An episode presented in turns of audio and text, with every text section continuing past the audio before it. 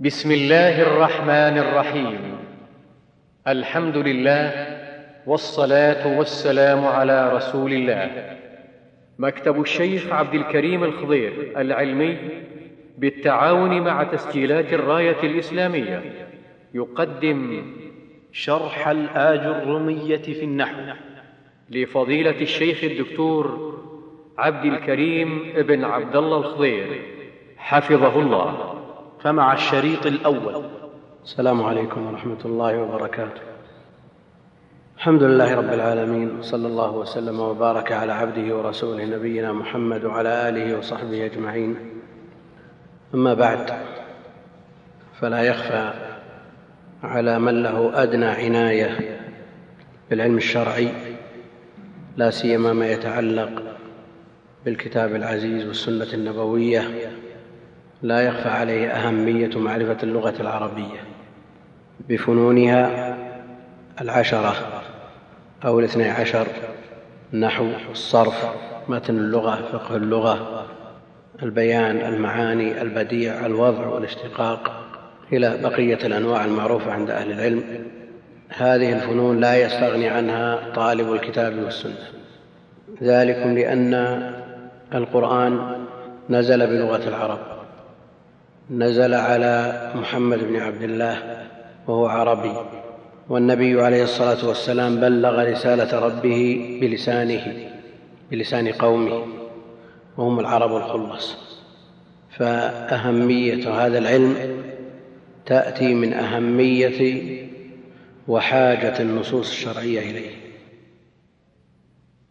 لا يمكن أن يتصدى لتفسير كتاب الله من يجهل العربية لا يمكن أن يبين معنى كلام النبي عليه الصلاة والسلام وهو يجهل اللغة العربية لأنهما عن الكتاب والسنة بلسان العرب.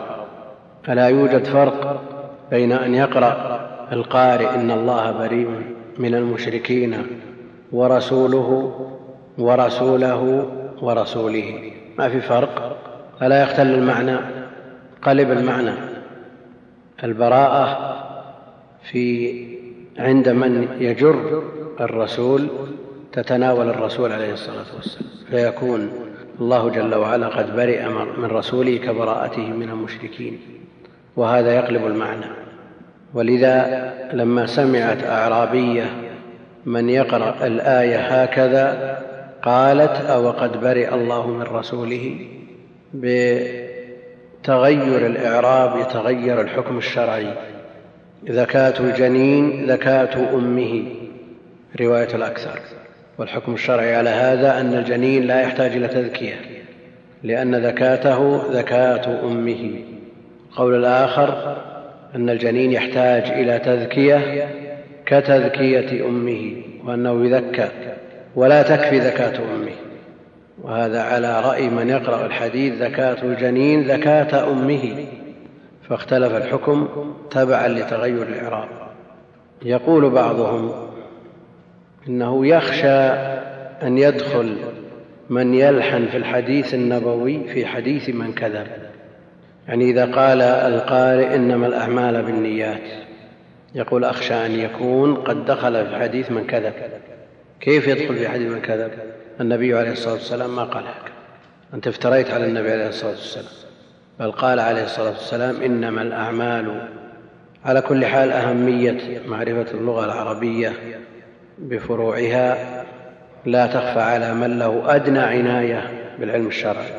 وإن حاول بعض من ينتسب إلى طلب العلم التقليل من شأن العربية. فالنصوص فهمها مبني على فهم اللغة. فلا يمكن أن يستغني طالب العلم الشرعي عن هذه اللغة.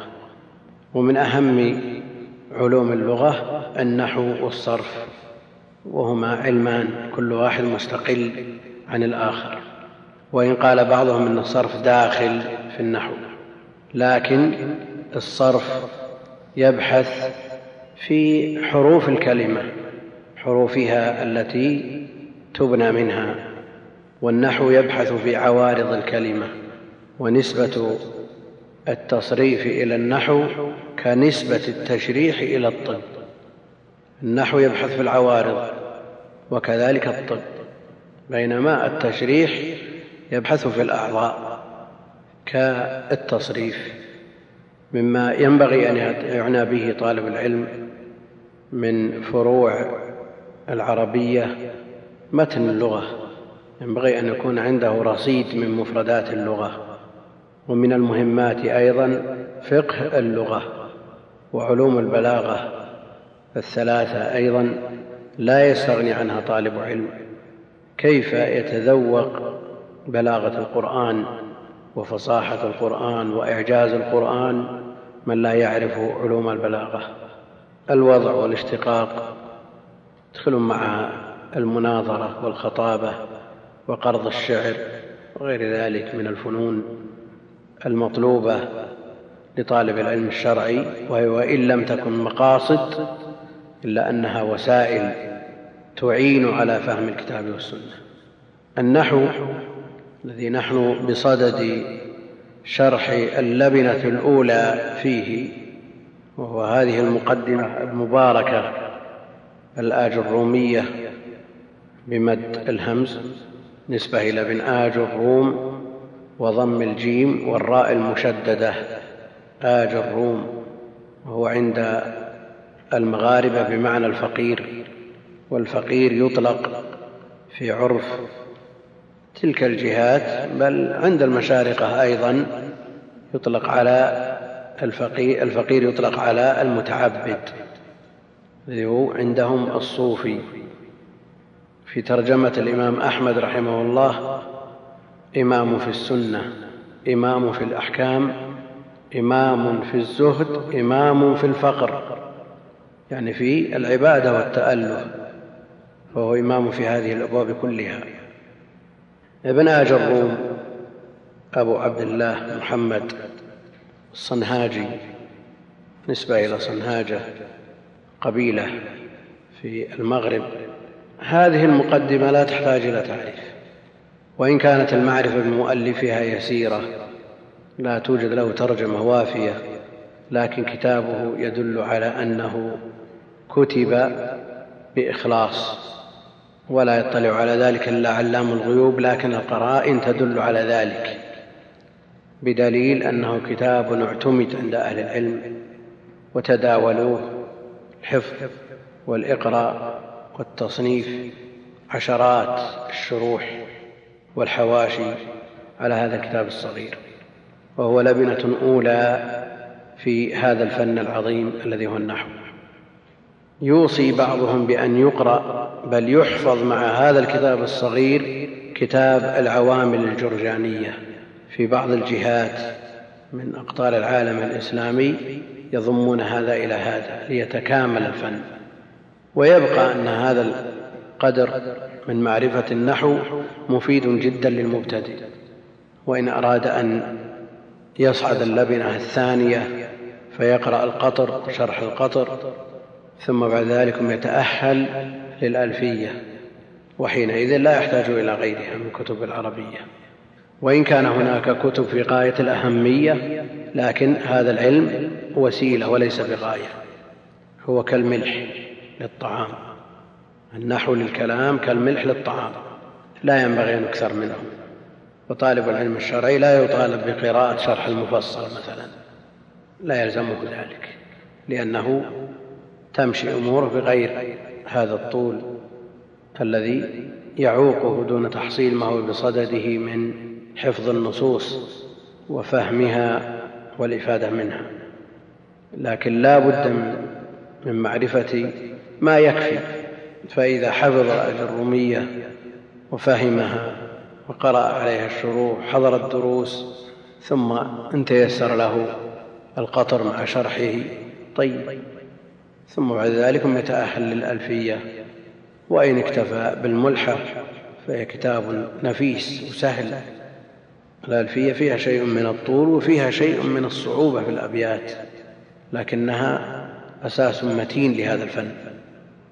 مما يعنى به أهل العلم من كتب هذا الشأن كافية ابن الحاجب الكافية لابن الحاجب وفيها من العلوم والفوائد على اختصارها ما لا يوجد في المطولات وهي أيضا مشروحة ومطروقة في كثير من جهات العالم الإسلامي. وجد من يعنى بها بل وجد من لا يعرف غيرها من الكتب حتى نسب إليها فقيل الكافيجي نسبة إلى كافية بن الحاج النحو سبب التأليف فيه. أولا كانت الأمة ليست بحاجة إلى مثل هذه العلوم التي يسمونها علوم الآلة لا علم النحو ولا غيره من علوم العربية لأنها سليقة بالنسبة للعرب ولست بنحوي يلوك لسانه ولكن سليقي أقول فأعرب. سليقة ما يحتاجون لكنهم لما فتحت الأمصار واختلط العرب بغيرهم وامتزجوا بهم وساكنوهم وصاهروهم تغيرت لغتهم. دخلها ما دخلها من الضعف فخيف على اللغة. حتى إن أبا الأسود الدؤلي واضع هذا العلم سألته ابنته يا أبت ما أحسن السماء؟ لأن نظرت إلى السماء في ليلة صافية فقالت له ما أحسن السماء؟ فقال أي بني نجومها. ظنها تسأل ما الشيء الذي جعلها حسنة؟ فقال النجوم قالت لا أسأل عن ذلك إنما هي تتعجب. وقال لها قولي ما أحسن السماء إذا أردت أن تتعجب. انقلب المراد. فأحس أهل العلم بضرورة التدوين في هذا الفن والحاجة داعية إلى التأليف فيه ولا يقال إن هذا من البدع وإن زعم بعضهم أنه من البدع الواجبة لأنه ليس في البدع ما يمدح فضلا عن أن يوجب على الناس بل هو مما لا يتم الواجب إلا به فهم الكتاب والسنة متوقف عليه فلا بد منه حينئذ فيكون شرعيا وليس من البدع. وكل بدعة ضلالة. علي بن أبي طالب أدرك الحاجة إلى هذا الفن إلى التأليف فيه فأمر أبا الأسود أن يؤلف. وبعضهم يقول إن عليا رضي الله عنه وضع بعض القواعد والأسس لهذا العلم وقال لأبي الأسود انحو نحو هذا فسمي العلم بالنحو. علي رضي الله عنه من العرب الأقحاح يغار على هذه اللغة التي هي لغة الكتاب والسنة. ولذا استدل الحافظ ابن كثير رحمه الله تعالى بعدم صحة ما نسب إليه من مصحف ينسب إلى علي رضي الله عنه مصحف خاص به. فاستدل الحافظ ابن كثير على عدم صحة النسبة لأنه كتب في آخره وكتب علي بن أبو طالب. فيقال رحمه الله لا يليق بالإمام علي رضي الله عنه مثل هذا اللحن الشنيع. وأيضا وثيقة الصلح بين النبي عليه الصلاة والسلام وبين اليهود في آخرها وكتب علي بن أبو طالب. فأبطلها الحافظ بن كثير من وجوه وهذا منها في التاريخ. مع الأسف أنه يوجد في التفسير تفسير ابن كثير في الطبعات الموجودة المتداولة وكتب علي بن أبي طالب على الجادة. الحافظ ابن كثير يريد أن يضعف النسبة بهذا اللحن فالذين طبعوا الكتاب صححوا اللحن. هذا لا يسوق ومثله من طبع التاريخ. هذا لا يسوق كيف تبطل النسبة؟ يريد الحافظ ابن كثير أن يبطل النسبة بهذا اللحن ونصحح اللحن. المقصود أن هذا العلم ليس بحاجة إلى بيان بل مزيد بيان عن فضله وحاجة طالب العلم إليه. قد يكون طالب العلم مكثر من القراءة في هذا الفن ومن الحفظ ومعرفة القواعد وضابط لقواعد هذا الفن لكن إذا قرأ لحن. والعكس. قد يوجد من لا يعرف من القواعد إلا الشيء اليسير ومع ذلك لا يلحن إذا قرأ ومرد ذلك المران فالذي يقرأ على الشيوخ الضابطين المتقنين يندر أن يلحن لأنهم يصححون. والذي لا يقرأ ويهاب القراءة عليهم يستمر. يلحن ولو ضبط القواعد. سبب التسمية بالنحو قول علي رضي الله عنه انحو نحو هذا. والنحو يطلق ويراد به القصد والجهة. ذهب زيد نحو المسجد يعني قصد المسجد وجهة المسجد. يطلق ويراد به المقدار. عندي نحو ألف ريال يعني مقدار ألف ريال. يطلق ويراد به الشبه والمثيل زيد نحو عمرو. يعني شبيه له ومثيل له. ولا يخفى عليكم الفرق بين نحو ومثل وإن قالوا إن النحو يطلق ويراد به الشبيه والمثيل إلا أن أهل الاصطلاح أعني أهل الحديث يفرقون بين رواه فلان بنحوه أو بمثله. بنحوه يعني بمعناه وبمثله بحروفه. مثل من توضأ نحو وضوء هذا النحو علم بقواعد علم بقواعد والمتأخرون يسمونه القواعد كتاب القواعد المادة قواعد. نعم. يسوغ ولا ما يسوغ؟ صحيح علم بقواعد. وهو علم بقوانين كما أن الأصول علم بقواعد وعلم بقوانين والمصطلح علم بقواعد وعلم بقوانين. تخصيص القواعد بالنحو فيه ما فيه لأن كل العلوم الآلة التأصيلية قواعد. هذه تسمية محدثة فينبغي أن يعادل التسمية الأصلية فيقال النحو. علم بقواعد يعرف بها ما يعرض للكلمة. علم بقواعد يعرف بها ما يعرض للكلمة. من تغيير من تغيير وعدمه من إعراب وبناء. هذا العلم المهم.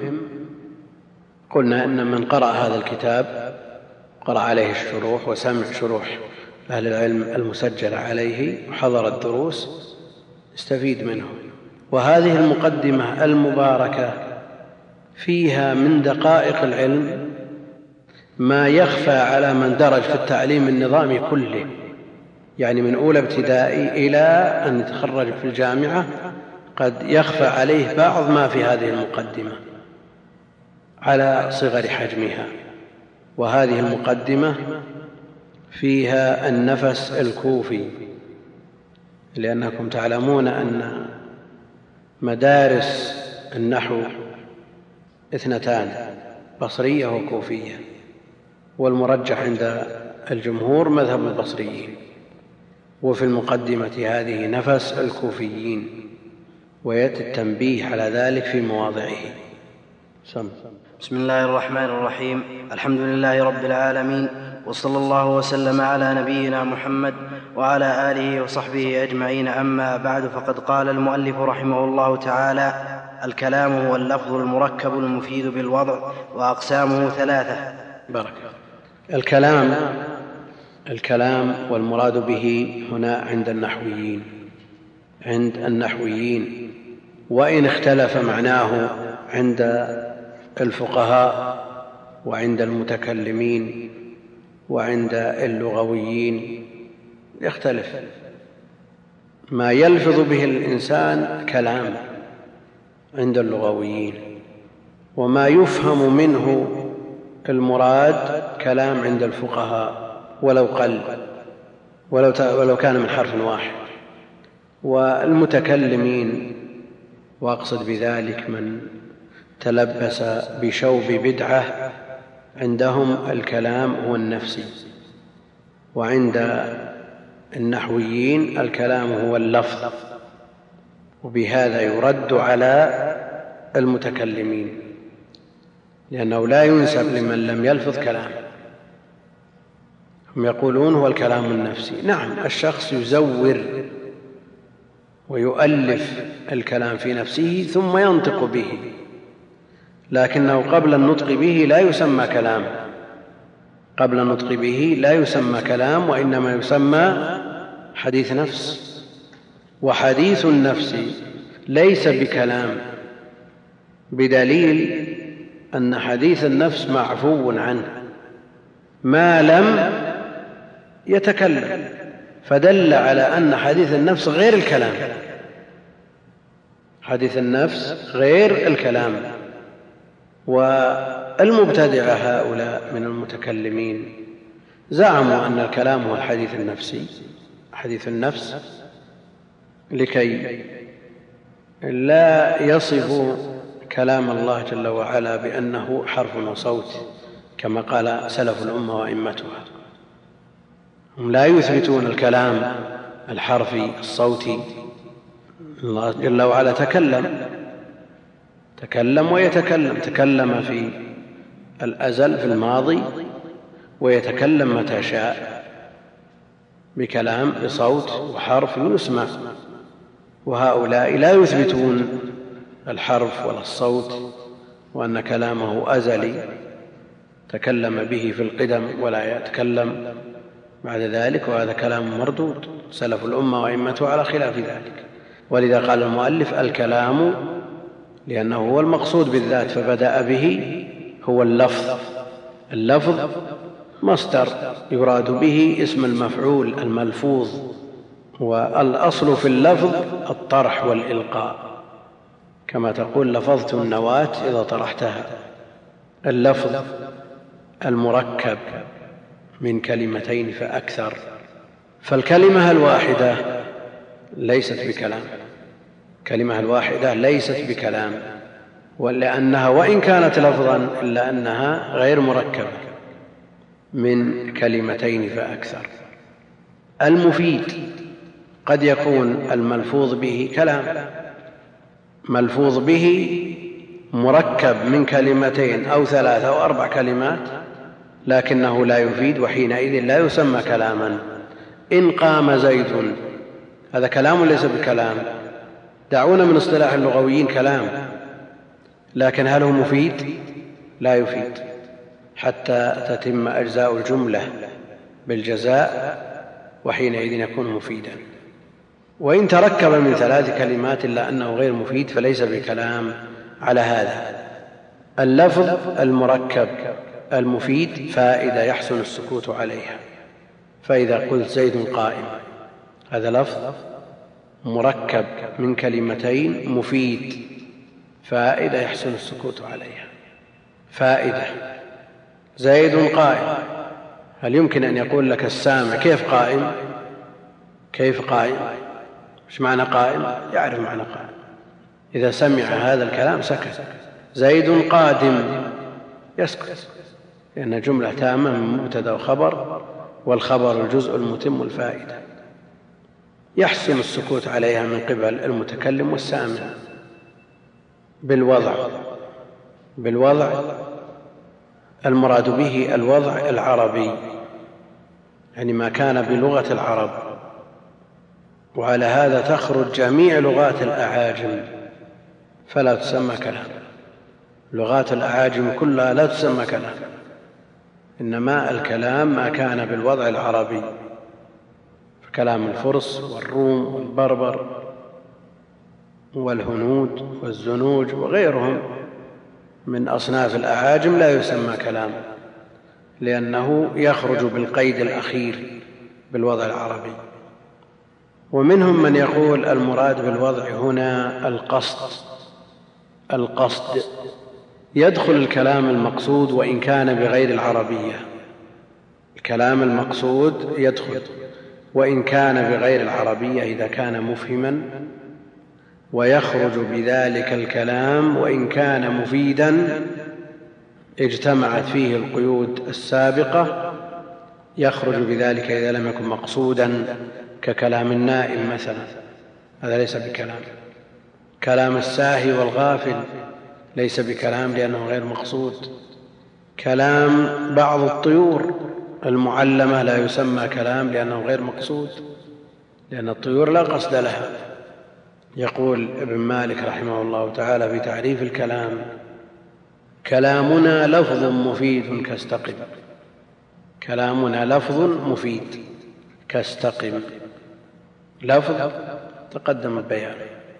منطوق به مشتمل على الحروف المعروفة الثمانية والعشرين. مفيد فائدة يحسن السكوت عليها. كاستقم هذا مثال. وبالمثال استغنى عن عن إيش؟ المركب لأن استقم مركب. استقم فعل أمر وفعل الأمر لا بد له من فاعل. ضمير مستتر فيه وجوبا تقديره أنت.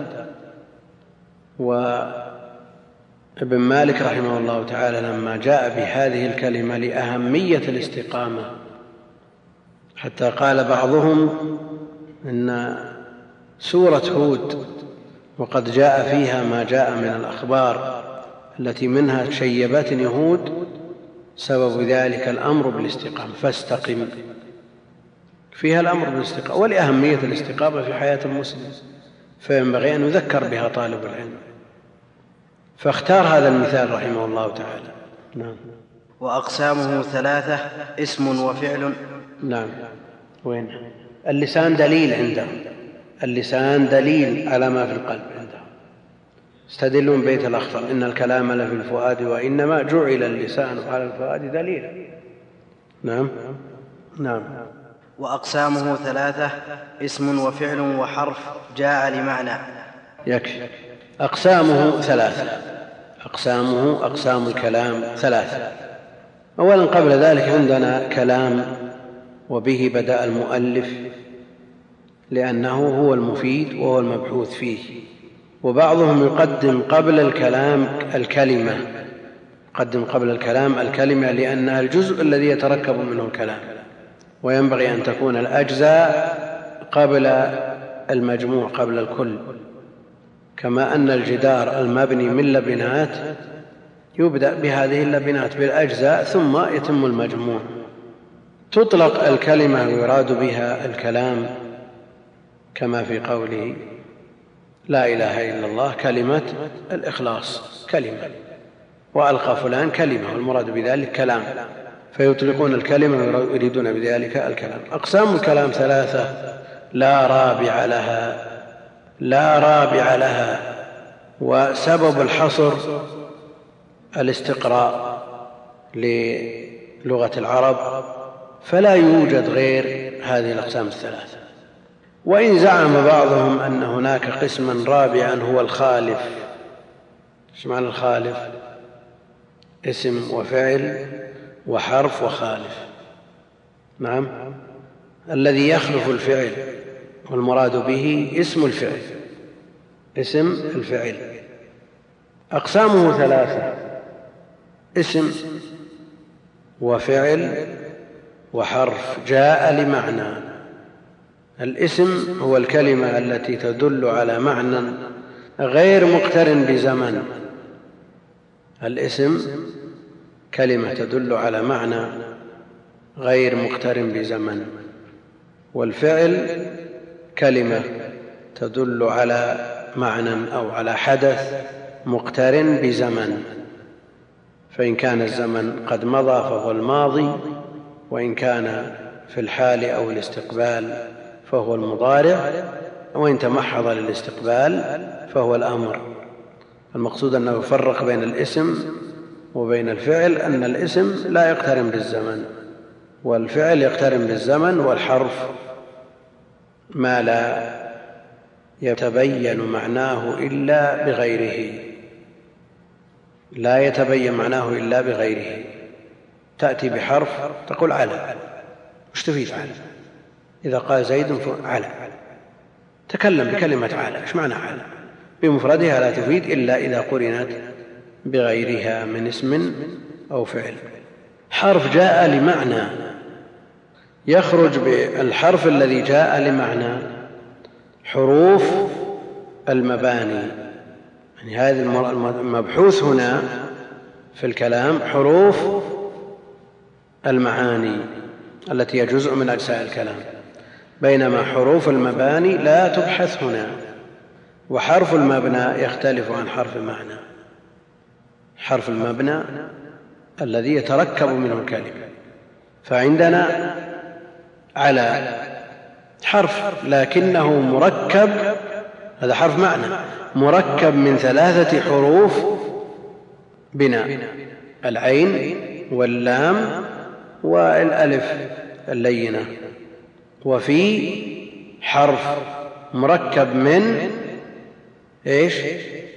حرفين من حروف البناء التي هي الفاء والياء. فمرادهم بالحرف هنا حرف المعنى ولذا قال وحرف جاء لمعنى يخرج بذلك حروف المباني. والخلاف بين أهل العلم في الحرف الذي جاء في حديث الترغيب بقراءة القرآن كل حرف بعشر حسنات. لا أقول ألف لام ميم حرف ولكن ألف حرف ولام حرف ومن حرف بين أهل العلم معروف المراد بذلك حروف المباني وحروف المعاني. والأثر المترتب على الخلاف معروف. نعم. فالاسم يعرف بالخفض والتنوين ودخول الألف واللام عليه وحروف الخفض يكفي يكفي. فالاسم الفاء هذه يسمونها يسمونها إيش؟ نعم. استئناف غيره. هذا الذي نقول يمكن طالب العلم يتخرج في الجامعة ما يعرف بعض ما في هذه ما في هذه المقدمة وشروحها. نعم. كيف؟ تقسيم كذا. من معانيها التقسيم؟ نعم. فالاسم نعم. الفصيحة. الفاء هذه الفصيحة. وهي واقعة في جواب شرط مقدر. إذا أردت معرفة ما تقدم فالاسم يعرف بالخفض والتنوين ودخول الألف واللام عليه. فالاسم بدأ به لأنه أشرف من الفعل والحرف يعرف يتميز بالخفض. وهذا تعبير كوفي. والبصريون يقولون الجر. هذا تعبير كوفي. هم الذين يقولون الخفض ومخفوض هذا حرف خافض. نعم بينما البصريون يقولون جر. هذا مجرور وهذا جار. بالخفض. والخفض أصله ضد الرفع. وذلكم لأن العلامة تكون تحت الحرف. وهذا معنى الخفض بخلاف الرفع فالعلامة تكون فوق الحرف. بالخفض والتنوين التنوين نون ساكنة تلحق أواخر الكلمات المعربة. لفظا لا خطا قل جاء زيد رأيت زيدا. مررت بزيد. هذا تنوين. وهو نون ملفوظ بها. نون ساكنة. ملفوظ بها لكنها لا تثبت في الخط. ويستغنى عن هذه النون بتكرير العلامة. بتكرير العلامة. فبدلا من أن تكون الضمه واحدة ضمتين. وبدلا من أن تكون النصب حركة واحدة تكون مكررة وكذلك علامة الجر. هذا التنوين بالخفض والتنوين ودخول الألف واللام عليه. ودخول الألف واللام عليه. ال. ابن مالك رحمه الله تعالى يقول بالجر والتنوين والندى وال. ومسند للاسم تمييز حصل. وهنا قال بالخفض والتنوين ودخول الألف واللام عليه. اكتفى بثلاثة لأن الكتاب مؤلف للمبتدئين ويأخذون ما زاد على ذلك من كتب المرحلة التي تلي مرحلة المبتدئين. بالجر والتنوين والندى وأل. وهناك قال ودخول الألف واللام. أيهما أولى أن يقال بأل أو بالألف واللام؟ نعم. نعم. ال لماذا؟ نعم. ال. نعم. الأولى ال. لماذا؟ الآن الداخل الحقيقي هو ال بمعنى حرفين من حروف المباني أو ألف ولام ألف ولام حروف معاني وليست حروف مباني. فالداخل على الاسم حرف مبنى ولا حرف معنى؟ حرف مبنى. ويختلفون أيضا هل الداخل على الاسم ال هذه بالحرفين معا أو اللام فقط؟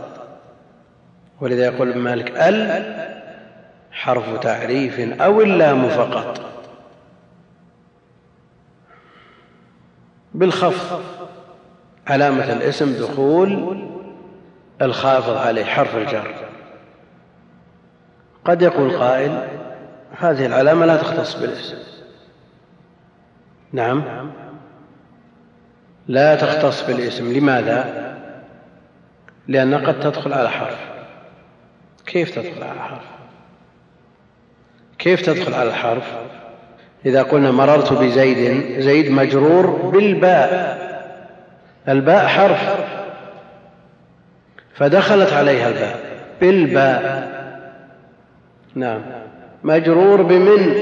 ومن حرف. نعم. مجرور بإلى وإلى حرف. كيف دخل الحرف على الحرف؟ وهم يقولون الجر من علامات الاسم. نعم. كيف؟ ما أسمع. اسم الحرف. طيب ومن وعلى نعم أنت تريد تسمية هذا الحرف. لا تريد الحرف نفسه. إذا قلت في الإعراب من حرف جر كيف تعرف من هذه؟ من حرف جر. هذه جملة مفيدة. تعرف من إيش؟ من حرف جر. من هذه إعرابها مبتدأ. من هذه مبتدأ. ليس المراد آه، من الكلمة اعتبارها حرفا وإنما المراد تسمية هذا الحرف بهذا اللفظ. فلا يرد مثل هذا على قولهم أن الجر أو الخفض من علامات الاسم. التنوين. التنوين قد يدخل على إيش؟ هو يدخل على الاسم. رأيت زيدا مررت بزيد جاء زيد. ما في إشكال يدخل على الاسم ومن علامات الاسم. لكن يدخل على الفعل ولا ما يدخل؟ تنوين. نعم. لا نسفع عن النون. هذه تنوين ولا ولا نون توكيد؟ نعم. نون توكيد خفيفة وهنا ينبغي التنبه لشيء وهو أن القرآن متلقا بالرواية فيبقى رسمه كما تلقي ويبقى لفظه كما سمع. ولذا تجدون في القرآن بعض ما يختلف مع قواعد العربية. ويدعو الإنسان. ذلك ما كنا نبغ. ومن حيث العربية الأصل يدعو. لكن هذا الرسم لا يجوز تغييره ذلك ما كنا نبغي. يعني ما يوجد جازم. لنسفعا وإن كتبت بالتنوين إلا أنها نون توكيد مخففة من الثقيلة. ليسجنن ولا يكونن. مثلها نعم. مخففة وهذه تأتي في علامات الفعل. ودخول الألف واللام عليه. قد تدخل ال هذه على الفعل. ما أنت بالحكم ال ترضى حكومته. لكن هذه ال هذه ليست ال التعريف. ليست ال التعريفية وإنما هي موصولة أصلها الذي ترضى حكومته الذي ترضى حكومته. بعد هذا ذكر المؤلف رحمه الله تعالى حروف الجر حروف الخفض على حد تعبيره وأطال فيها فذكر منها وحروف الخفض. وحروف الخفض وهي من وإلى وعن وعلى. يكفي يكفي من وإلى وعن وعلى. حروف الخفض منها من وهي الابتداء الغاية. وإلى وهي الانتهاء الغاية. سرت من الرياض إلى مكة. حرف جر أولهما لابتداء الغاية والثاني لانتهائها. ابتداء الغاية من الرياض ونهاية الغاية إلى مكة. وعن ومن لها الحروف هذه حروف معاني. ولذا يحسن لطالب العلم أن يعنى بالعوامل الجرجانية وأيضا ما فوق العوامل كمغني اللبيب. مغني اللبيب في معاني جميع معاني الحروف وعن للمجاوزة والمفارقة وعلى للعلو والاستعلاء. نعم. وفي ورب والباء والكاف واللام. وفي وهي للظرفية الماء في الكوز. ورب وتستعمل للتقليل والتكثير. رب رجل كريم لقيته. والكاف وهي للتشبيه. زيد كعلي. واللام وهي للملك. المال لزيد وشبهه الجل للفرس والقفل للدار. نعم. وحروف القسم وهي الواو والباء والتاء. نعم من من حروف الجر حروف القسم. وهي الواو وتختص بالاسم الظاهر ولا يجوز القسم بغير. بغير الله جل وعلا حلف بغير الله فقد أشرك فهي مختصة بالاسم الظاهر. تقول والله والرحمن والرحيم والباء وهي تدخل على الظاهر والمضمر فتقول كيف تقول؟ بالله تدخل على المضمر الباء ها نعم. كيف؟ به. وتسكت. كذا. نعم. بالله انتهى. على الظاهر صارت الظاهر. نعم. أقسم به. الآن باء هذه حرف قسم. أو جار ومجرور متعلق بأقسم وفهم القسم من أقسم. هم يمثلون بقسم لا يجوز. يقولون بك لافعلن نعم. يمثلون بهذا ويقولون تدخل على الظاهر والمضمر إذا مضى ذكر الرب جل وعلا. أثنيت على الله جل وعلا وذكرت اسمه فقلت به لأفعلن. كذا. هذا حرف قسم نعم. فتكون حينئذ دخلت على آه، الضمير. كما تقول بالله فتدخلها على الظاهر. التاء.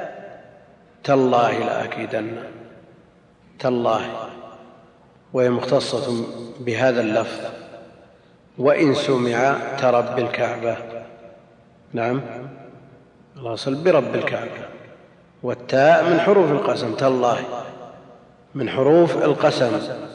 وهي مختصة بلفظ الجلالة. تالله. وسمع ترب الكعبة. كالباء لكنه قليل. نعم. والفعل يعرف بقد والسين وسوف وتاء التأنيث الساكنة. والفعل هو الذي يلي الاسم باعتبار أن له علامة مثل الاسم فألحق به وعقب به. يعرف بقد وتدخل على الماضي فتفيد التحقيق. وتدخل على المضارع فتفيد التقليل. قد قام زيد. تحقيق. تدخل على المضارع قد يقوم زيد قد ينجح الكسلان للتقليل. لكنها قد تأتي هذه للتحقيق. قد يعلم الله المعوقين. نعم. لكن الغالب فيها التقليل. بقد والسين. السين هذه حرف تنفيس وهي تمحض المضارع للاستقبال. القريب سيقوم زيد سيقول السفهاء. وسوف هي حرف تنفيس أيضا وتمحض المضارع للاستقبال مع التراخي. سوف يقوم زيد سوف أستغفر لكم ربي. نعم؟ تنفيس مع التراخي. وتاء التأنيث الساكنة. قامت هند. هذه تاء تأنيث ساكنة. علامة من علامات الفعل. يقول ابن مالك رحمه الله بالجر والتنوين والنداء وأل ومسند للاسم تمييز حصل. يعني مما يتميز به الاسم الإسناد إليه. بأن يكون فاعلا أو مبتدأ. بالجر والتنوين والندى وأل ومسند للاسم تمييز حصل. بتا فعلت وأتت ويفعلي ونون أقبلن فعل ينجلي. تاء التأنيث الساكنة. تاء التأنيث الساكنة المقصود بها المفتوحة. هي التي هي من علامات الفعل. وتدخل على الفعل الماضي. نعم. والحرف ما لا يصلح معه دليل الاسم ولا دليل الفعل. الحرف هو ثالث الأقسام ولا رابع لها كما سمعنا. يعرف بعلامة عدمية.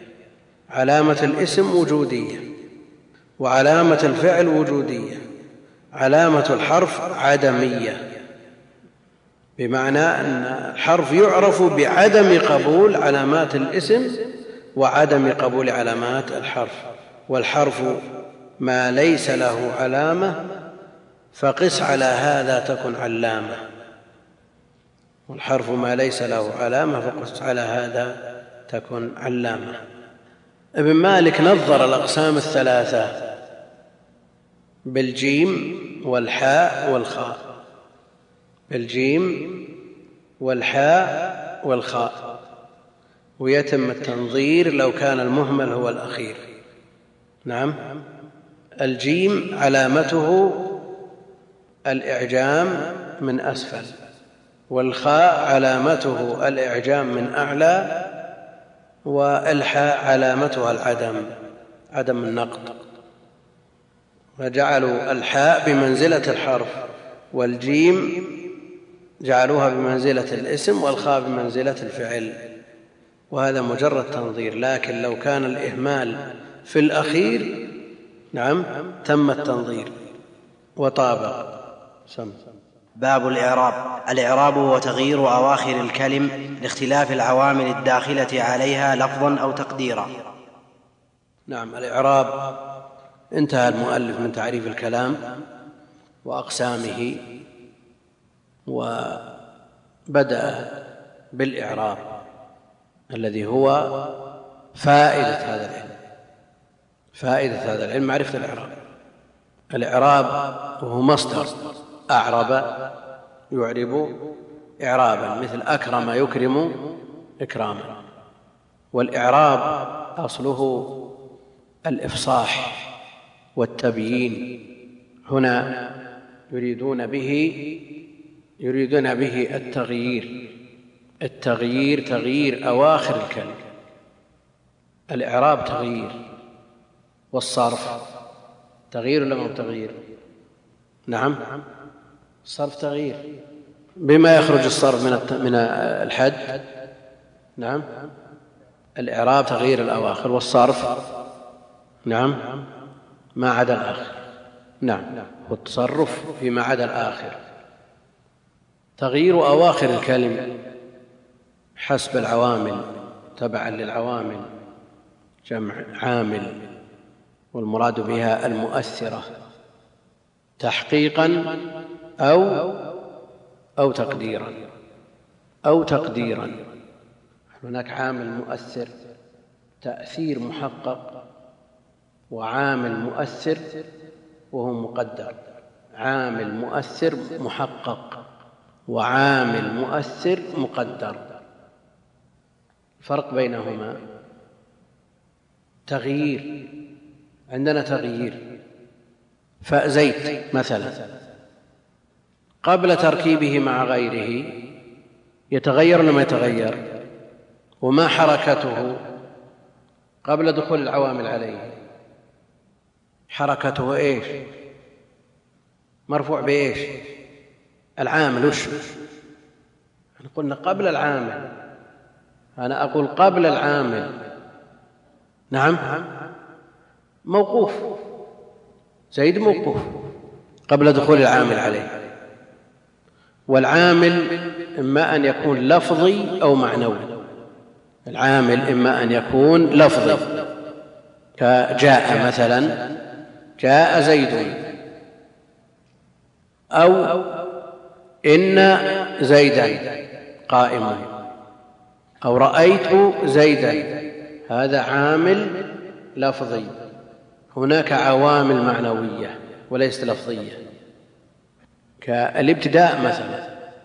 الابتداء الآن زيد قائم مرفوع بأي شيء. العامل فيه الابتداء. لا أقول إذا قلت مرفوع تكون على مرفوع بالضمة. ما ينفع. مرفوع بالابتداء علامة رفعه الضمة الظاهرة. هذا عامل لكنه معنوي وليس بلفظ تغيير أواخر الكلم تحقيقا أو تقديرا. تحقيقا إذا سلم من المانع من ظهور الحركة. فجاء زيد جاء فعل ماض وزيد فاعل مرفوع علامه رفعه الضمة. الظاهره رأيت زيدا رأيت فعل وفاعل وزيدا مفعول منصوب علامة نصبه الايش الفتحة الظاهرة. تنوين هنا. مررت بزيد. مررت فعل وفاعل والباء حرف جر وزيد مجرور بالباء وعلامة جره الكسر الظاهر هذا الإعراب إيش؟ تحقيق. تحقق فيه الإعراب. نأتي إلى مثل جاء الفتى. جاء الفتى. جاء فعل ماضي.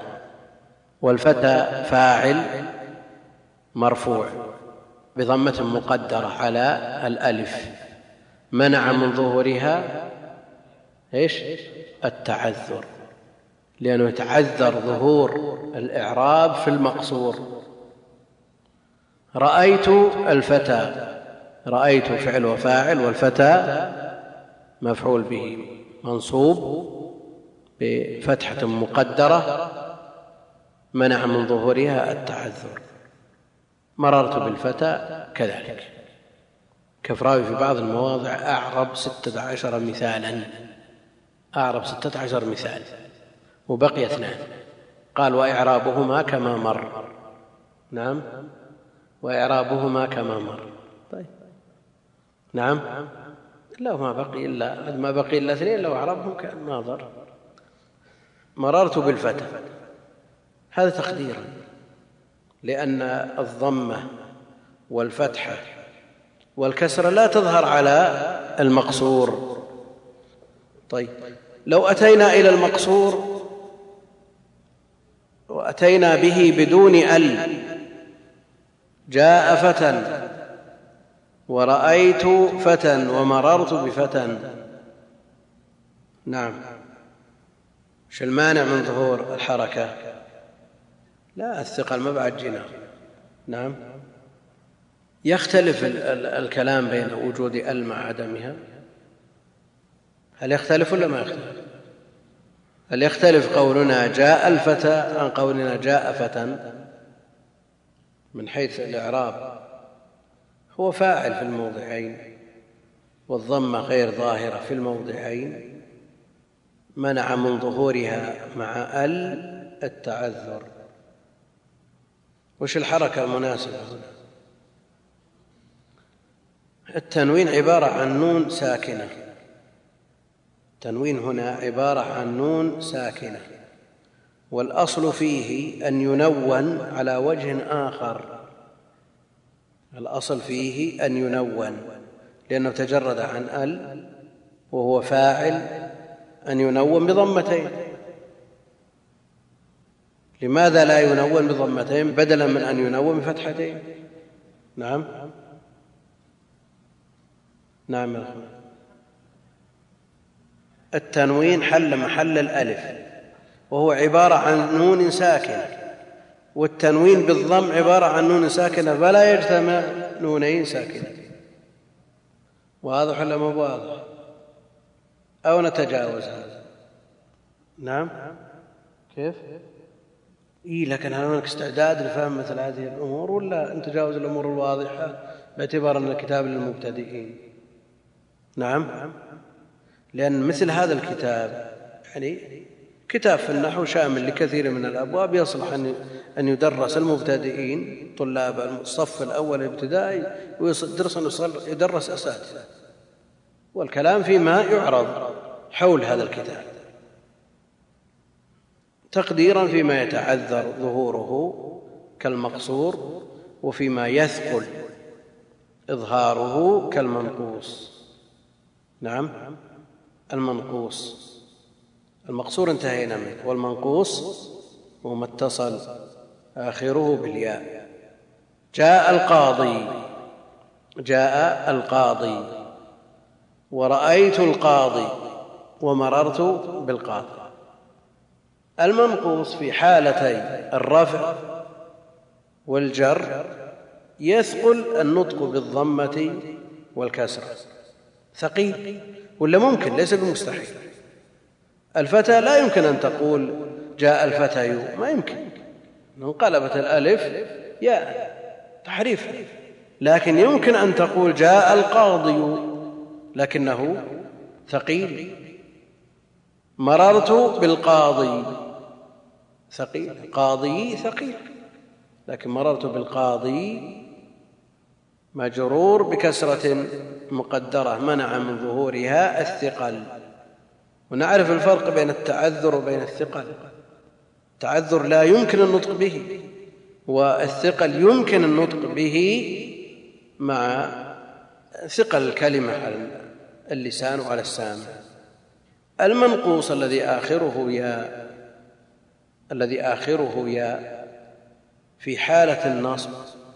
رأيت القاضية فتحة خفيفة فعلامة النصب ظاهرة. لأنها خفيفة ثقيلة لأن المانع من الضمة والكسرة الثقل وفي حالة النصب خفيفة المنقوص هذا إذا لم يقترن بأل. جاء قاض. ومررت بقاض. ورأيت قاضيا. قاضيا. من يعرب قوله تعالى يوم يدعو يوم يدعو هل إيه؟ لا طيب أعرف. طيب. ظرف زمان ماله. هو يبنى الظرف ها؟ كيف؟ الظرف مبني ولا ما؟ متى يبنى الظرف؟ كيوم ولدته أمه. متى يبنى الظرف؟ نعم. هذا يوم ينفع؟ ها؟ مبني ولا معرب؟ هو الأصل فيه معرب. معرب هو معرب. لكن متى يبنى؟ كيوم ولدته أمه. متى يبنى؟ نعم. إذا أضيف إلى جملة ها؟ كمل مو مطلقا فعلية هذا يوم ينفع. أضيف إلى جملة. إذا أضيف إلى جملة صدرها مبني.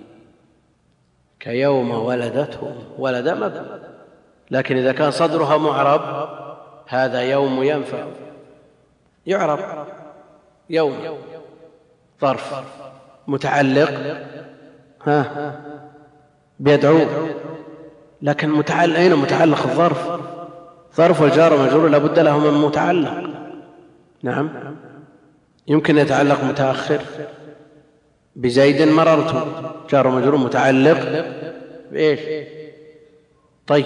ويوم يدعو. نفسه. أو تقدر فعل. اذكر يوم. ها يدعو. طيب. يدعو. فعل مضارع. ظاهرة ولا؟ معتل ولا؟ صحيح. طيب. طيب. دعا يدعو والمعتل شعر يدعو إيش؟ ويرفع بثبوت حرف العلة كما أنه يجزم بحذف حرف العلة. أيوه. ثقيلة. الداع يلا. ها. كيف؟ ضمة إيش؟ على إيش؟ يعني ضمة مقدرة على الياء المحذوفة. محذوفة لإيش؟ ليش حذفت؟ اصلها الداعي. وش اللي حذف الياء هنا؟ نعم. محذوف ولا غير محذوف؟ في القرآن. محذوف. وش اللي حذف؟ نعم. ما في إضافة ابدا. بعدين مقترن بال مثل القاضي والعاصي والهادي. نعم. حذفت اتباعا للرسم. حذفت اتباعا للرسم. فهو مرفوع بضمة مقدرة على الياء المحذوفة اتباعا للرسم. هذا ما يتعلق بالاسم عندكم الفعل. جاء منصوب أو مبني. مبني. والبناء على النصب ولا على الفتح على الفتح نعم. فالفتح علامة بناء والنصب علامة إعراب. طيب. يقوم يقوم زيد. مرفوع. لماذا؟ لتجرده عن الناصب والجازم وعلامة رفع الضمة الظاهرة يقوم زيد. يدعو ذكرنا. يخشى. موسى ربه. يخشى موسى ربه. كيف نعرف هذا؟ نعم. مبني ولا مرفوع؟ تعذر. تعذر منع من ظهور التعذر. على ما تقدم. مثل الفتح صح ولا لا؟ متعذر موسى. مقصور متعذر. وربه. نعم. ظاهر. رب مضاف. طيب. لن. لن يكرم زيد أخاه. لن يكرم زيد أخاه. يكرم. فعل مضارع منصوب بلن وعلامة نصبه فتح فتح ظاهر نعم. أتون فعل آخره يا يمشي. يمشي. زيد إلى المسجد. يمشي زيد إلى المسجد. نعم. يمشي. أنه معتل؟ مشى يمشي. معتل. طيب. والمعتل؟ نعم. علامته تقديرية. صحيح. أو ثبوتية. بما يجزم. حذف حرف العله وبما ينصب بالفتح الظاهر وبما يرفع ضمه مقدر. طيب. تحقيقا أو تقديرا؟ عرفنا هذا. اقرأ. وأقسامه أربعة رفع ونصب وخفض وجزم. أقسام الإعراب أقسام الإعراب أربعة رفع ونصب وخفض وجزم. هذه الاربعه رفع ونصب وخفض وجزم. اثنان مشتركان الرفع والنصب بين الأسماء والأفعال. تختص الأسماء بأي شيء؟ بالخفض. تختص الأفعال بالجزم. لا جزم في الأسماء ولا خفض في الأفعال. نعم. فللأسماء من ذلك الرفع والنصب والخفض ولا جزم فيها. طيب. لا جزم في الأسماء ولا خفض في الأفعال. للأفعال من ذلك الرفع والنصب والجزم ولا خفض فيها. لأنه تقدم أن الجر من علامات إيش؟ الاسم. والرفع والنصب اجعلا اعرابا لاسم وفعل نحو لن أهابا. والاسم قد خصص بالجر كما قد خصص الفعل بأن ينجزم. الاسم له من علامات الإعراب الثلاث الرفع والنصب والجر. فتقول رأيت زيدا وجاء زيد ورأيت زيدا ومرت بزيد.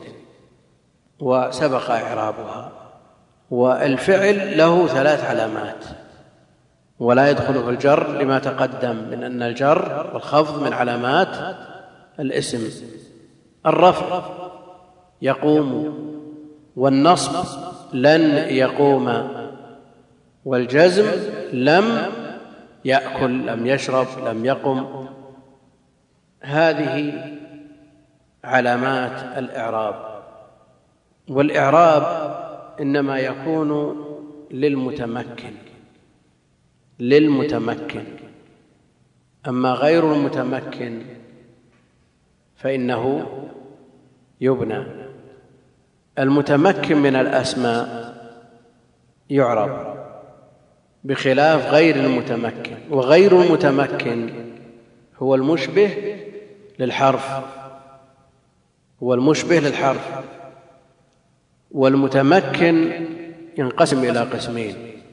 متمكن امكن تظهر فيه جميع العلامات ومتمكن غير امكن تظهر فيه نعم بعض الحركات. كالممنوع من الصرف. تظهر عليه الضمة والفتحه ولا يظهر عليه الجر. يجر بالفتحه وتفصيل هذا كله سيأتي. بالنسبة للاسم منه المعرب وهو المتمكن ومنه المبني المشبه للحرف. فسبب البناء شبه الحرف ويأتي بيان ذلك إن شاء الله تعالى. الفعل منه المعرب وتظهر عليه علامات الإعراب الثلاث التي هي الرفع والنصب والجزم. وهو إيش؟ من الأفعال المضارع. بخلاف الماضي فانه مبني خلاف أيضا الأمر فانه مبني أيضا. جاء زيد جاء فعل ماض مبني على إيش؟ الفاتح. يجيء زيد فعل مضارع معرب مرفوع. علامة رفعه الضمة الظاهرة وزيد فاعل. لن يجيء زيد. لن يجيء زيد. يجيء فعل مضارع معرب منصوب بلن علامة نصبه فتح ظاهرة لم يجئ زيد. نعم. علامة جزمه لم يجئ سكون. لم يجئ على آخره على الهمزة. طيب. ويدعو الإنسان بالشر دعاءه بالخير. ويدعو. أصله دعا الماضي والمضارع. يدعو. من يعرب ويدعو الإنسان؟ ويدعو الإنسان. نعم. كيف؟ دعنا من الوقف كيف الوقف يدعو. يهمنا الفعل. إيش؟ طيب. ماله؟ مرفوع. بالضمة وين الضمة؟ الضمة وين؟ على إيش؟ مقدرة على العين ظاهرة اللي على العين ظاهرة. على الواو الإيش؟ فيه واو. طيب تمام. المقدرة على الواو المحذوفة اتباعا للرسم.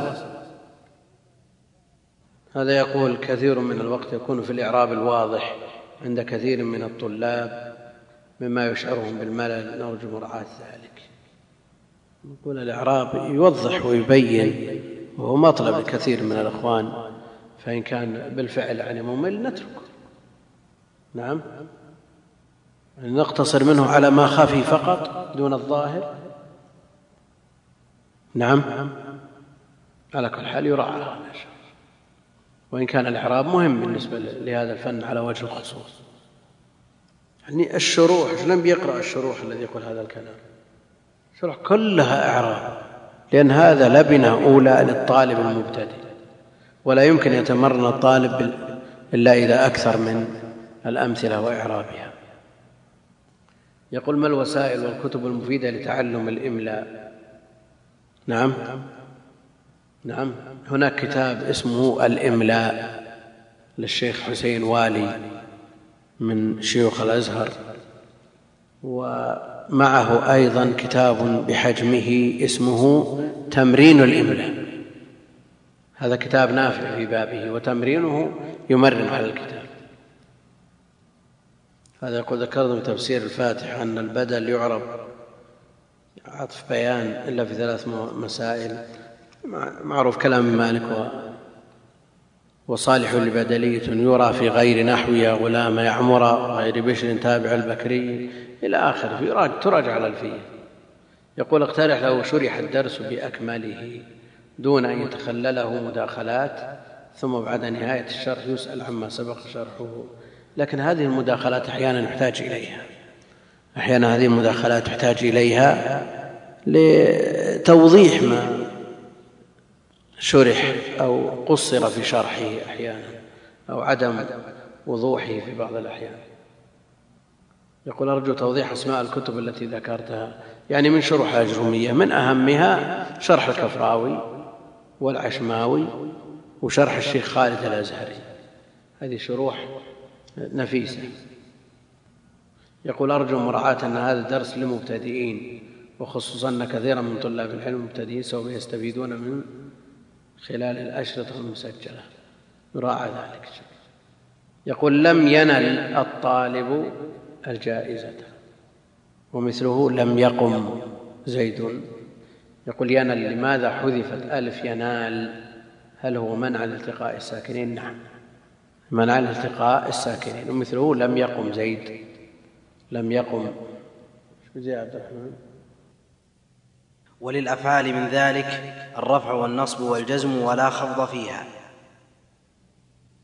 الأفعال تشترك مع الأسماء وهذا ذكرناه في الرفع والنصب وتنفرد بالجزم ولا جر فيها ولا خفض فيها على ما تقدم من أن الخفض الذي هو الجر من خواص الأسماء كما أن الفعل مخصص بالجزم ويجزم من الأفعال إيش؟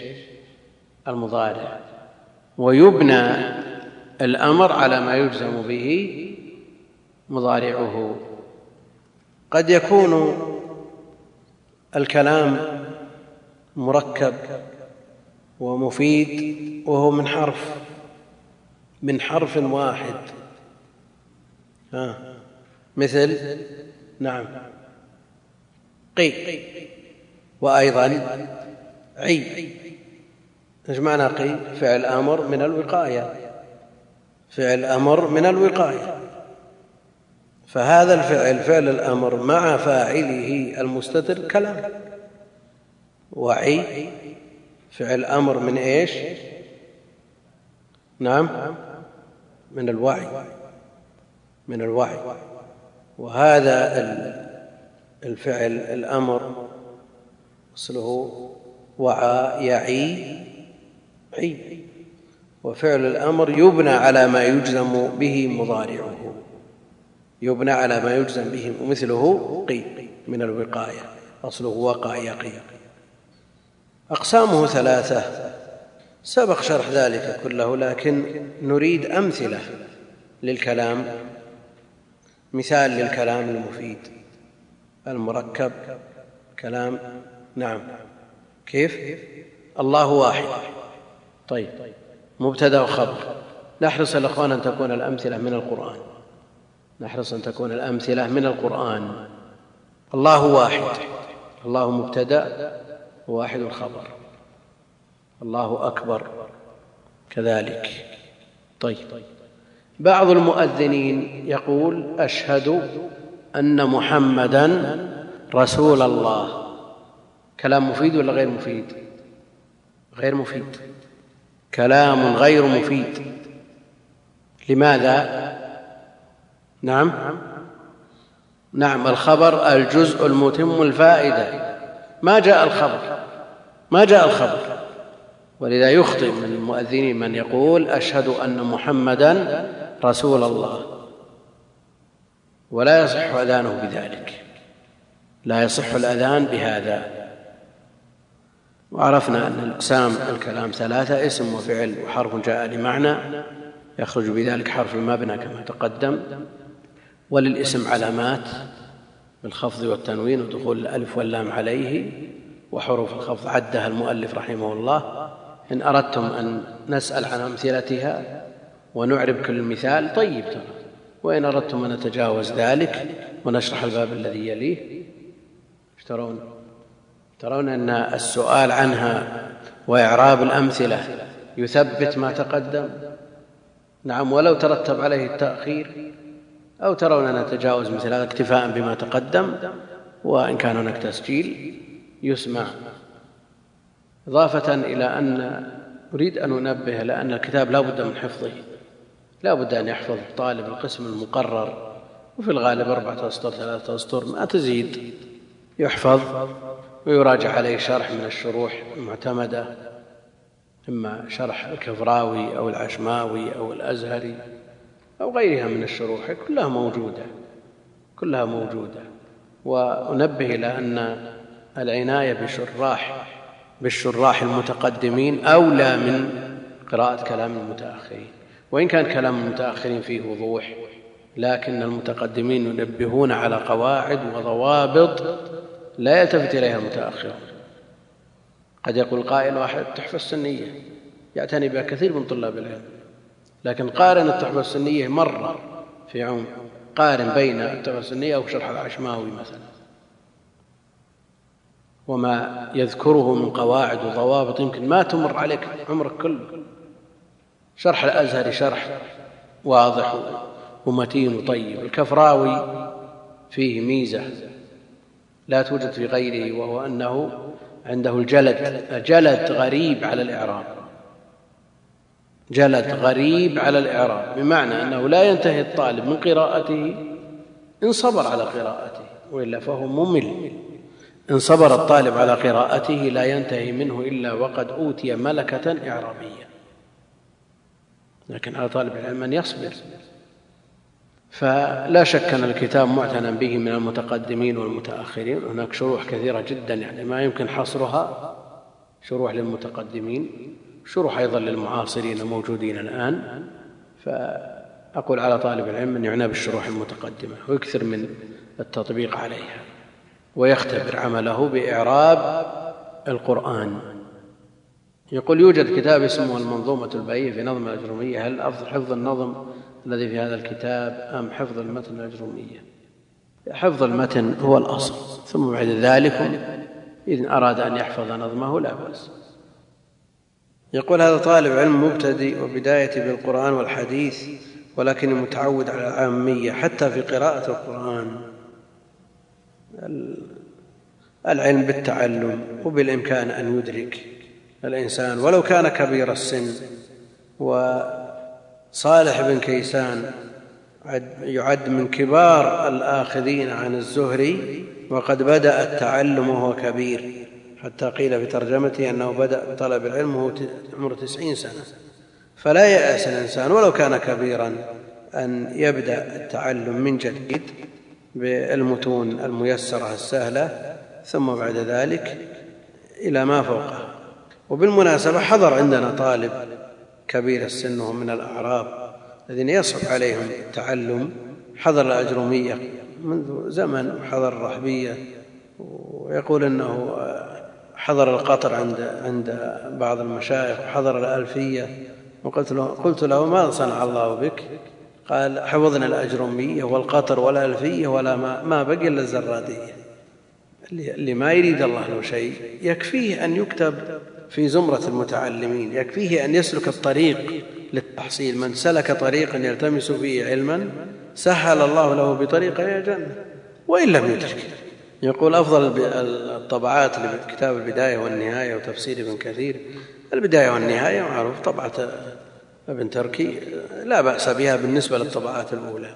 وتفسير الحافظ ابن كثير هنا طبعة يقال له طبعة أولاد الشيخ في خمسة عشر جزءا فيها عناية وفيها مقابلة نسخ وتحقيق وتخريج.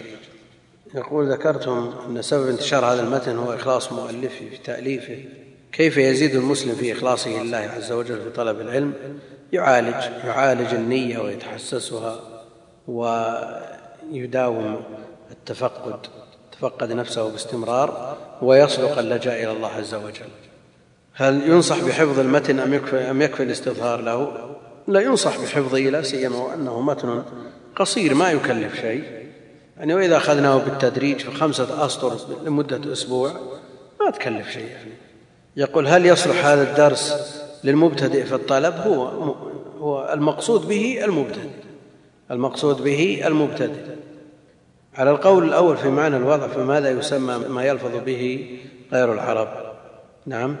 يعني إذا قلنا المراد به بالوضع العربي فماذا يسمى كلام الأعاجم يسمى كلام ولا ما يسمى كلام؟ ما يسمى كلام وإن كان نطقا ملفوظا به. كلام يعني لا يسمى كلام اصطلاحي.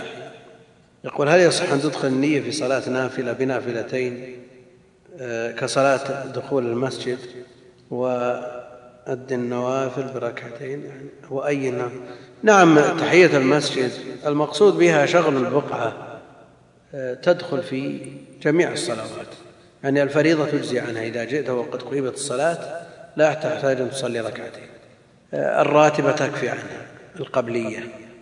يقول قال ابن الروم هنا عن الكلام أنه اللفظ المركب أي المؤلف من كلمتين فأكثر. وقال ابن مالك كلامنا لفظ مفيد كاستقم.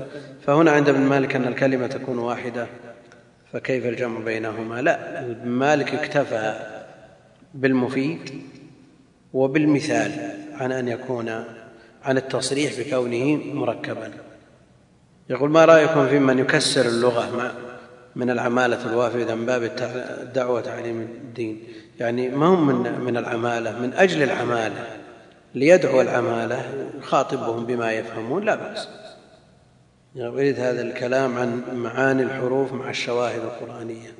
قل نقتصر على مثال واحد في كل حرف من حروف المعاني وإلا مغني اللبيب كفيل بجميع المعاني. وشرط في بداية الدرس أن طالب العلم لو يعنى بالعوامل المئة للجرجاني مع هذه المقدمة يحصل التكامل إن شاء الله تعالى. هذا يسأل عن اسم الفعل. هو في معناه معنى الفعل. صهن يعني أسكت. وماهن يعني أكفف. وبخ يعني أستحسن. لكن لقبوله علامات الاسم جعلوه اسم. يقول هل يكتفى بسماع الأشرطة المسجلة وعدم الحضور؟ من يتمكن من الحضور؟ يحضر. من يتمكن من الحضور ولا يحضر هذا لا يحصل له أجر سلوك الطريق. لكن الذي لا يتمكن من الحضور ويسمع الأشرطة ويسأل أهل العلم بالهاتف لبعده عنهم وعدم استطاعته الحضور يكتفى بذلك إن شاء الله. أفضل من من الترك. يقول هل لميامن الصعوبة فضل على مياسرها نعم. يقول ما الثمرة المترتبة من الخلاف على كون الحرف حرف معنى أو مبنى؟ يعني في الحديث من قرأ حرف من القرآن فله بكل حرف عشر حسنات. الثمرة المترتبة أن العدد يختلف. إذا قلنا المراد بالحديث حروف المباني فالقرآن أكثر من ثلاثمائة ألف حرف. وإذا قلنا حروف المعاني فهو سبعين ألف. الربع. الربع.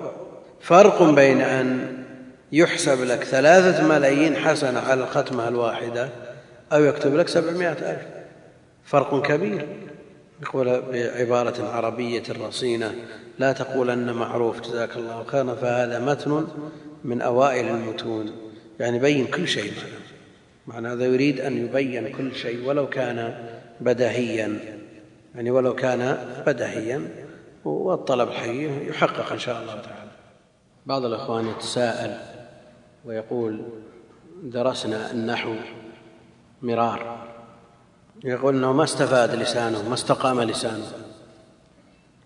النحو لا شك أن له فوائد منها أنه سبب في عصمة اللسان من اللحن وهذا يستفيد منه الخطيب والداعية والمدرس هو الذي يحرص أن يقرأ على الشيوخ ويقومون له الخطأ وهذا في الغالب يستفيد. أما الذي يقرأ القواعد النظرية ويسمع الشروح لكنه لا يطبق ذلك في خطابة ولا قراءة ولا تعليم ولا غير ذلك فانه في الغالب لا بد أن يقع منه اللحن إذا احتاج إلى شيء من ذلك مستقبلا. لكن الفائدة في فهم الكلام المقروء. هذا ولو لحن وسبق لسانه إلى اللحن إذا ألقى كلمة أو خطبة أو درس. فإنه إذا أتقن المادة وطبق عليها فإنه لن يخطئ فيما إذا قرأ كتابا يتوقف فهمه على فهم العربية مثل نصوص الكتاب والسنة. الإنسان إذا ألقى خطاب مثلا يلحن لأنه ما اعتاد ذلك. إذا ألقى خطبة لحن ألقى كلمة يلحن لأنه ما تعود على ذلك. قرأ بين يدي الشيخ ولو كان من أحفظ الناس لقواعد العربية ومن أفهم الناس لها قد يلحن. وهذا خلل لا شك لكنه أقل من الخلل الثاني الذي يقع فيه من لا يعرف العربية البته وأن مثل هذا لا يفهم الكلام الذي يحتاج إلى فهمه أو في فهمه إلى العربية. وإذا أراد الإنسان أن يختبر فهمه لهذا العلم ما عليه إلا أن يمسك الفاتح سورة الفاتح ويعرب الفاتحه يعرب سورة الفاتحة اعرابا تفصيليا. ثم يقارن بين إعرابه وبين كتب إعراب القرآن. في الفاتحه كتب إعراب القرآن كثيرة للمتقدمين والمتأخرين والمعاصرين. كلهم كتبوا في إعراب القرآن وأكثرهم تفصيلا من تأخر. فإذا طابق إعرابه إعرابهم يكون قد أتقن هذا العلم. إذا نقص بنسبة يسيرة لا يضر يعني تسعين بالمئة خمسة وثمانين بالمئة. إذا وافق في سبعين بالمئة يكون أنجز إنجاز طيب لكن عليه أن يقرأ كتابا آخر ويحضر بعض الدروس ليستكمل ما فاته لأنه لا يتصور في كتاب واحد أن يتقن جميع ما يحتاج إليه. ولذا أهل العلم لا يقتصرون على كتاب واحد. تجد العالم الواحد يقرأ الأجرمية ويقرأ القطر ويقرأ الألفية لتتكامل في الإفادة. فبعض الناس يضيق ذرعا إذا لحن وقد تعب على تعلم العربية أنا أقول ما يضيقك. صحيح خلل لكن يبقى أن الفائدة الكبرى أنك إذا قرأت كلاما فهمته. عرفت أن هذه الكلمة لأن كثير من الألفاظ يتوقف فهمه على فهم موقعها من الإعراب. فأنت إن لحنت لكونك لم تعتد النطق على مقتضى القواعد لأنك لم تتعود. يعني من زاول الخطابة وعنده ما يكفيه من النحو هذا في الغالب لا يلحق. مثلا الذي يعنى بالقراءة على الشيوخ ويحرص على ذلك عند الشيوخ أهل العناية الذين يعنون بالرد على الطالب إذا لحن مثل هذا يستفيد كثيرا. لكن الإشكال أنه قد يكون القارئ بعض طلاب العلم المدركين ليس بطالب مبتدئ يسهل الرد عليه. فيتأخر الشيخ بالإحراج لهذا الشخص فلا يرد عليه. أنا أقول ليس من مصلحة الطالب أن يترك. وإن كان بعضهم يتحرج من كثرة الرد على الطالب. فأقول هؤلاء الذين يلحنون لا يضيق ذرهم هم إن لم يفيدوا من النحو في هذا الباب أفادوا منه الفائدة الكبرى والنتيجة العظمى المرجوة من هذا الفن وهو فهم نصوص الكتاب والسنة. والله أعلم وصلى الله وسلم وبارك على عبده ورسول نبينا محمد.